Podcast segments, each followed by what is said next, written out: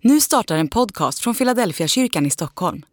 Om du vill komma i kontakt med oss, skriv gärna ett mejl till hejfiladelfiakyrkan.se. Varmt välkommen till Philadelphia Bibel, eh, vår kvällsbibelskola här i Philadelphia. Eh, vi har bibelskolan både på plats på onsdagar, eh, då vi börjar klockan 18.15 eh, och äter tillsammans och studerar Bibeln tillsammans och ber. Men vi vill också göra det här bibelstudiet tillgängligt för dig som kanske inte har möjlighet att komma eh, på plats och därför så gör vi också det tillgängligt på Youtube på det här sättet. Vi har ju studerat Johannes. Eh, Johannes är en speciell figur. Han, han, han, skriver på ett speciellt sätt, lite annorlunda än eh, de andra evangelierna. Så skriver Johannes mer om han, han målar mera ut kanske vad Jesus känner och hur Jesus upplever saker. Så det är väldigt speciellt. Det har varit väldigt intressant att ha den här resan som församling i Johannes evangeliet. Eh, den här resan börjar närma sig sitt slut. Det här är faktiskt sista delen av, eh, av den här Johannes-serien. Nästa eh, vecka gör vi ett uppehåll för påsken och eh, veckan efter så kommer Niklas att, att fortsätta med eh, påskpassionen eh, och veckan efter det så avslutar vi hela Johannes med eh, Mikael Telbe som kommer att ge oss ett, ett, eh, ett, en, en övergripande förståelse av Johannes evangeliet. Det ser vi också väldigt mycket fram emot. Men idag så ska vi tala om, eh, eh läsa ur Johannes 17 som har kallats Jesu överste prästerliga förbön. Eh, jag är så glad att de här bönerna finns med i Bibeln. Vi har några böner, till exempel Paulus ber i Efesierbrevet. Eh, Efesierbrevet 1 och Efesierbrevet kapitel 3 så finns det två böner där Paulus ber för församlingen. Och det är på något sätt i bönen som man som verkligen ens hjärta för den man bryr sig om och den man ber för kommer fram. Och på samma sätt gör det här också i, i Jesu bön i, eh, eh, eh i Johannes, det 17 kapitlet. Han ska snart lämna sina lärjungar. Han ska snart gå till korset, han ska lida och dö. Han vet att tiden, hans tid tillsammans med dem börjar eh, dras mot sitt slut. Och då, då ber han den här bönen, på något sätt en, en hans hjärta, hans, hans kärlek till sina lärjungar kommer fram på ett alldeles, alldeles speciellt sätt. Vi ska läsa hela den här den bönen, den är inte så, den är inte så lång, men, men vad vi kommer att se är något väldigt specifikt som handlar om gemenskap. När vår kultur hyllar individualismen så hyllar Jesus gemenskapen. Och det kommer så tydligt fram i den här bönen som han ber. Fader, Son och helig Ande är något som kommer fram i Johannes eh, evangeliet gång, gång på gång. Och Jesus på något sätt vill dra oss in i treenighetens gemenskap. Det står så här i Johannes 14 och 16 och 23 så står det Jag ska be Fadern och han ska ge er en annan hjälpare som för alltid ska vara hos er. Där har vi den helige Ande. Och så lite längre ner i, i vers 23 så säger Jesus om någon älskar mig håller han fast vid mitt ord. Och min far ska älska honom och vi ska komma till honom och ta vår boning hos honom. Så först har du den helige Ande, sen har du Jesus som tar Fadern med och så kommer, kommer de till oss. Så hela treenigheten är tillsammans med oss. Jag tycker det är ett, det är ett ganska trevligt gäng att hänga med om man, om man, om man säger så. Så Jesus vill verkligen dra in oss i treenighetens gemenskap och det kommer fram på ett väldigt tydligt sätt i den här texten. Vi läser. Johannes 17 och från den första versen. Sedan Jesus hade sagt detta såg han upp mot himmelen och bad. Fader, stunden har kommit. Förhärliga din son för att din son ska förhärliga dig. Ja, du har gett honom makt över alla människor för att han ska ge evigt liv åt alla dem som du har gett honom. Detta är evigt liv, att de känner dig, den enda sanne guden och den som du har sänt, Jesus Kristus. Jag har förhärligat dig på jorden genom att fullborda det verk som du har gett mig att utföra. Fader, förhärliga nu mig med den härlighet som jag hade hos dig innan världen var till. Jag har uppenbarat ditt namn för människor som du har tagit ut ur världen och gett mig. De, är, de var dina och du har gett dem åt mig och de har hållit fast vid ditt ord. Nu har de förstått att allt vad du har gett mig kommer från dig. För det ord som du har gett mig har jag gett åt dem. Och de har tagit emot det. Och de har verkligen förstått att jag har utgått från dig och tror att du har sänt mig. Jag ber för dem. Det är inte för världen jag ber, utan för dem som du har gett mig, eftersom de är dina. Allt mitt är ditt och allt ditt är mitt och jag är förhärligad i dem. Jag är inte längre kvar i världen, men de är kvar i världen när jag går till dig. Helige Far, bevara dem i ditt namn, de som du har gett mig, för att de ska vara ett, liksom vi är ett. Medan jag var hos dem bevarade jag dem i ditt namn, de som du hade gett mig. Jag vakar över dem, och ingen av dem gick förlorad, ingen utan fördärvets man, för att skriften skulle uppfyllas. Nu går jag till dig, och det här säger jag medan jag är kvar i världen, för att deras hjärtan ska vara uppfyllda, ska, ska vara fyllda av min glädje. Jag har gett dem mitt ord, och världen har hatat dem, eftersom de inte är av världen, lika lite som jag är av världen. Jag ber inte att du ska ta dem ut ur världen, utan att du ska bevara dem från det onda. De är inte av världen, liksom inte heller jag är av världen. Helga dem i sanning, ditt ord är sanning. På samma sätt som du har sänt mig i världen, så har jag sänt dem i världen. Och jag helgar mig för dem, för att de ska vara helgade i sanning. Men inte bara för dem ber jag, utan för alla dem som genom deras ord kommer till tro på mig. Jag ber att de ska vara ett, och att som, som du, Fader, är i mig och jag i dig, också de ska vara i oss, för att världen ska tro att du har sänt mig. Och den härlighet som du har gett mig har jag gett åt dem, för att de ska vara ett, liksom vi är ett. Jag i dem och du i mig, för att de ska vara fullkomligt förenade till ett. Då ska världen förstå att du har sänt mig och har älskat dem som du har älskat mig. Far, jag vill att där jag är, där ska också de som du har gett mig vara med mig, så att de får se min härlighet som du har gett mig eftersom du har älskat mig innan världens grund var lagd. Rättfärdige Far, världen har inte lärt känna dig, men jag känner dig och de vet att du har sänt mig.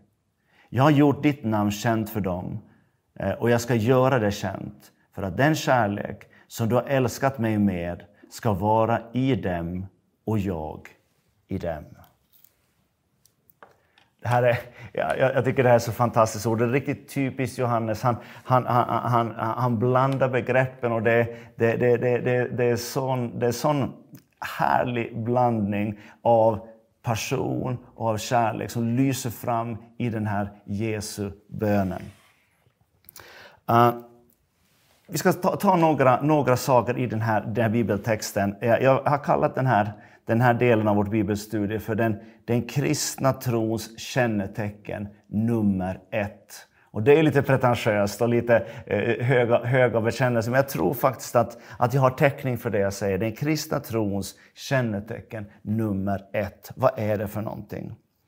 Om vi tittar i texten när Jesus börjar be, när han börjar be och adressera sin far i himlen, så ser man den här enormt intima relationen, en, en, verkligen nära relationen som de, de har med varandra när han öppnar sin mun och ber till sin far. Det blir som en far, som, eller som en son som kommer att ha ett förtroligt samtal med sin far. Och så är det ju. Uh, och, och, det är på något sätt i det här som, som han säger att du har gett du ska ge evigt liv åt dem som du har gett åt, åt eh, Människosonen. Och så definierar han i vers, eh, i vers 3. Det här är evigt liv. Att de känner dig, den sanne guden och den som du har sänt, Jesus Kristus. Alltså det eviga livet som är ju den kristna trons på något sätt grundval. Det är inte en lära eller en doktrin i första hand, utan det är en relation. De känner dig och de känner mig. I den relationen, i den gemenskapen, så har vi evigt liv. Varför är det så? Jo, därför att livet kommer från Gud. Det är han som, som man, man brukar säga, det är han är den enda som har liv i sig själv. Han behöver ingen extern, extern kraft för att ha liv, utan han har liv i sig själv. Det har inte vi. Utan vårt liv kommer från honom. Och när vi, när vi umgås med honom, då, då får vi del av hans liv, det eviga, det eviga livet. Så jag tycker den här är fantastisk, den här, den här definitionen. Stryk gärna under den i din bibel. Det här är det eviga livet. Att de känner dig, den enda sanna guden och den som du har sänt, Jesus Kristus. Så går han vidare i, i, i bönen och i, i, i sitt samtal med sin far. Och så säger han i vers 9, säger han så här. Jag ber för dem. Eh, om det är någonting på den här jorden som är kanske mer dyrbart än någonting annat, så är det att ha en, en, en annan människa som ber för en som, som ber till Gud för ens liv, för ens omständigheter, för ens situation. Eh, vi gör det väldigt mycket här i, i Philadelphia. Vi ber för olika bönämnen, människor som sänder in sina bönämnen. Och vi, vi får ta emot också väldigt mycket tacksamhet från människor som, som, som förstår att det finns någon som ber för min situation. Här har vi väl kanske förebedjaren nummer ett, Jesus Kristus. Det står faktiskt också att han sitter på Guds högra sida och han ber för oss, säger Paulus. Och det, det, det, är någonting fantastiskt. Jesus säger, jag ber för dem. Eh, det är inte för världen jag ber, utan för dem som du har gett mig, för dem är dina. Alltså han ber för, ber för oss därför att vi tillhör Gud. Jag tycker att det här, är, det, här, det, här, det här är någonting fantastiskt. Och att, att få känna det, speciellt kanske när man känner att det är tufft eller man känner sig övergiven eller någonting annat, så vet man att en har åtminstone inte glömt mig. Det är Jesus Kristus och han ber för mig. Och så fortsätter, fortsätter han och, och, eh, och, och ber. Uh, och sen, sen, börjar han, uh, från, från vers 12, så börjar, går han in i ett väldigt, väldigt specifikt, uh, en specifik del av sin, sin bön. Där, där, han, där han säger, jag är inte längre kvar i världen, men de är kvar i världen när jag går till dig, helige Far. Och så säger han så här, bevara dem i ditt namn. Alltså det som Jesus ber för dig och mig, det är att det ska gå oss väl, och att vi ska bli bevarade i Gud. Och så säger han så här. Så att de är ett, liksom vi är ett. Det som kännetecknar treenigheten, eh, är Fader, Son och helig Ande, det är ju den, det, som jag sa tidigare, den gemenskap som finns mellan dem. Eh, på något sätt, den helige Ande han, han ger, lägger allt ljus på Sonen, Sonen lägger allt ljus på Fadern. Fadern säger det här är min älskade son, i honom har jag min glädje. Och det, bara, det bara kokar av gemenskap i, i den här relationen som finns hos dem. Och samma relation som, som, som vi ser i treenigheten. Det är det Jesus ber, och han gör det tre gånger. Ofta när det, när det är något som upprepas tre gånger i i, i, i Bibeln och i den kulturen. Så istället för att säga, det här gör Paulus väldigt många gånger, istället för att säga det här är någonting viktigt, nu ska du lyssna. Istället så upprepar man det oftast tre gånger och det gör Jesus. Och första gången så säger han så här då i vers 11. Så att de ska få vara ett på samma sätt som vi är ett. Den kristna trons kännetecken nummer ett är gemenskap. Att, att, att leva i harmoni med varandra. Uh, djävulens, eller djävulens uh, namn betyder egentligen han som sliter isär. En konsekvens av, on, konsekvens av ondskan, en konsekvens av, av mörkret, av djävulens verk, det är att det river isär. Det river isär familjer, det river isär relationer. Det river också isär fundamentalt vår, vår, vår och Gud-relation. Och därför ber Jesus, på samma sätt Fader, som vi är ett, så ber jag att de ska få vara ett. Därför finns det det finns ingenting som är viktigare. Naturligtvis, den viktigaste relationen vi har är väl den relation som vi har till Gud. Vår personliga relation med Gud genom Jesus Kristus och genom det som han har gjort. Absolut. Men sen ber Jesus också att samma relation som präglar Gud ska också prägla oss och vår gemenskap. Och så, och så börjar, han, börjar han där eh, eh, hela tiden. Och han säger, man ser det i hans, i, i, i hans bön, att det som skiljer oss från det som han kallar världen. Eh, det som gör också, han säger världen, de, världen har hatat dem och så vidare. Och så säger han, de tillhör inte världen på samma sätt som inte jag tillhör världen.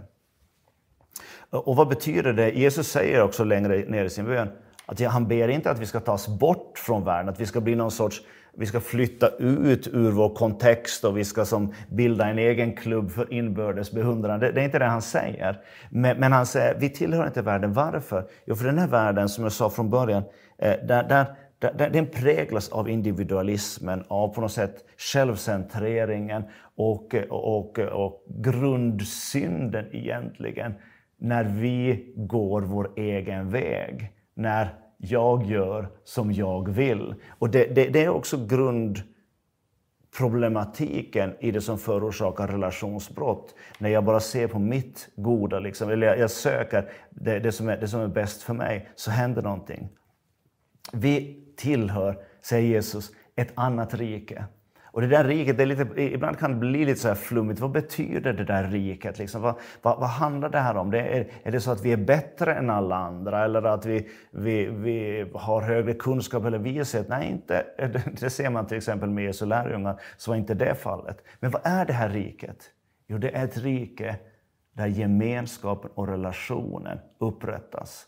Framförallt relationen till Gud. Eh, eh Paulus säger det att när vi blir rättfärdiga av tro så har vi frid med Gud. Alltså det, det, relationen till Gud är upprättad, det, det råder harmoni där det tidigare rådde fiendskap. Men det stannar inte där, utan det kommer också att, att börja råda harmoni mellan oss. Och kännetecknet att det har hänt någonting, det är att den här gemenskapen som präglar treenigheten också ska börja prägla oss.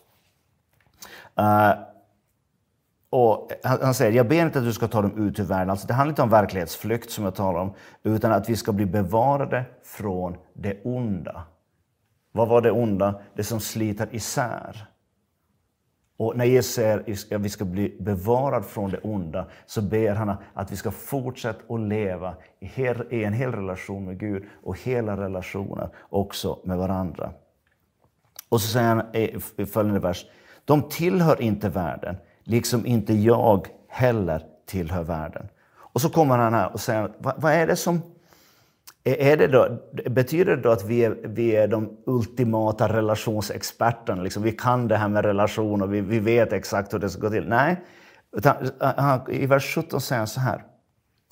Helga dem med sanning. Ditt ord är sanning.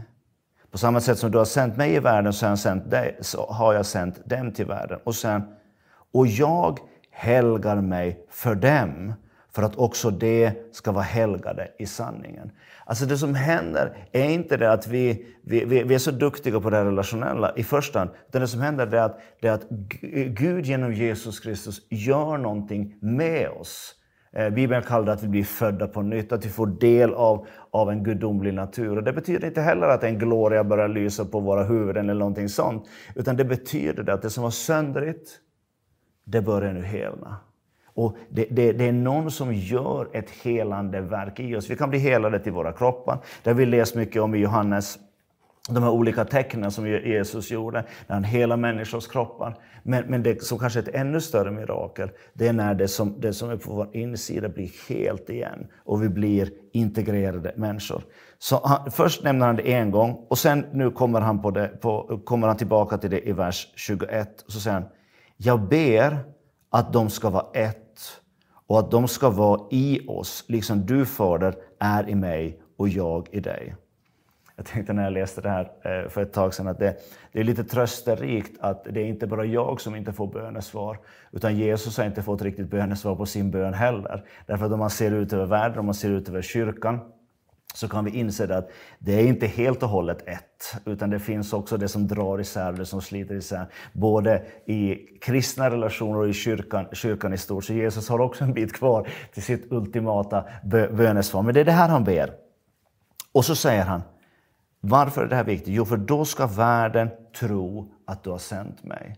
Alltså det ultimata beviset på, eh, på evangeliets autenticitet det är att det har hänt någonting med oss som gör att vi börjar leva i harmoni med varandra. Och så säger han det igen. Och den härlighet som du har gett mig, vers 22, den har jag gett åt dem för att de ska vara ett liksom vi är ett. Jag i dem och, att, och du i mig, så att de är fullkomligt förenade till ett. Och så återkommer han till det. Då ska världen förstå att du har sänt mig.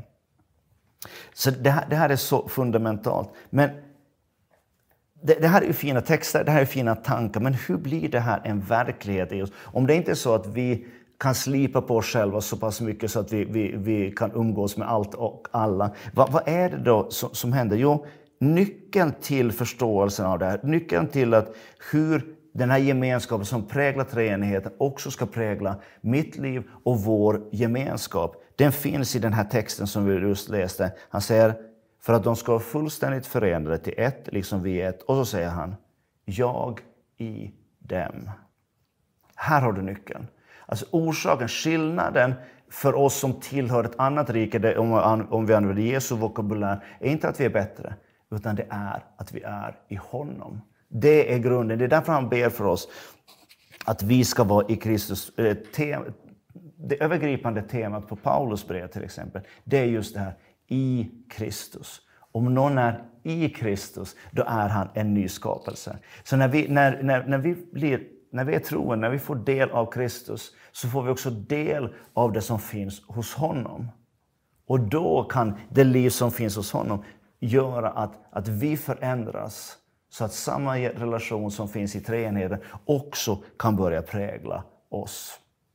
Och han fortsätter här, gång på gång på gång så fortsätter han det här till den här nyckeln. Eh, och i avslutningen av, av det, det här som vi läste i vers, eh, vad blir det, jag måste ta på mig glasögonen, vers 26. Eh, så säger han så här, jag har gjort ditt namn känt för dem och jag vill göra det känt för att den kärlek som du har älskat mig med ska vara i dem och jag i dem. Här har du nyckeln till hela den kristna gemenskapen. Här har du nyckeln till hela det kristna livet. Det är att Gud bor i oss. Som vi sa i början också, att hela treenigheten har faktiskt eh, slått följe med oss och vi får ta del av den gemenskapen. När vi tar del av den gemenskapen, då kommer det också att börja prägla de relationer som finns runt, runt omkring oss. Nyckeln till det här, den praktiska, konkreta, vad kan vi göra för att det här ska bli en verklighet? Det hittar vi i det jag brukar kalla för evangeliets två budord. Vilka är det, tänker du? Ja, utan att göra någon teologi av det, så jag hittar det första i Matteus 11 och det andra i Johannes 15. Det första i eh, Matteus 11 säger Jesus, kom till mig. Och i Johannes 15 säger han, bli kvar hos mig. Jag tror faktiskt, kan, man kan tycka att det här, det här låter naivt, men jag, tänk, jag, jag, tror faktiskt att när jag kommer till Jesus, när jag blir kvar hos honom, när han får prägla mitt liv, när, när den gemenskapen återupprättas, så börjar också en resa till en återupprättad gemenskap eh, i min, mina relationer, i min familj, i församlingen, när vi samlas kring Jesus, han som bor i oss. Vi ska be här till sist. Vi ska be att eh, vi, vi kopplar ihop med Jesu bön. Det står, eh, som jag läste, det står att han bad inte bara här för sina lärjungar, utan han bad också för dig och mig. Han säger för dem som genom deras vittnesbörd kommer till tro. Alltså bad han också för oss här, men det står också att han, be, han, han sitter på Guds högra sida just nu och ber för oss. Vi kan ju be att han får bönesvar, tycker jag. Jag tycker, jag tycker att han är, han är värd det. Han har, gjort, han har gjort så mycket för oss. Vi ska be att, att vi får vara en del av det bönesvaret. Inkludera kanske dina eh, utmaningar i dina relationer. Eh, inkludera dig i utmaningar med din egen självbild, kanske också din relation till Gud. Vi ska be att vi ska få bli ett på samma sätt som Fadern, Sonen och den helige Ande är ett. Vi ber tillsammans. Jesus Kristus, vi tackar dig. Herre, vi tackar dig för att du lämnade efter dig din bön så vi förstår lite mer vad som finns på ditt hjärta. Herre, det som har slitits sönder i våra liv, det som har slitits isär i våra relationer. Herre, tack för att du kan göra det helt igen. Herre, om, om fienden kallas han som sliter isär, så kan vi ju kalla du är den som återför, helar och upprättar.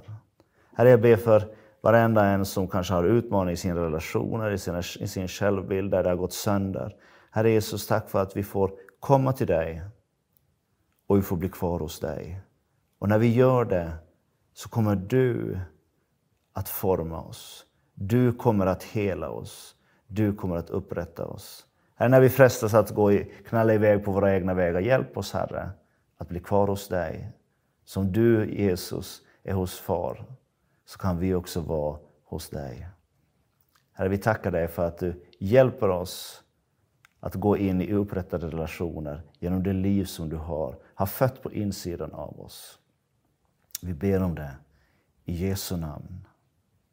Amen.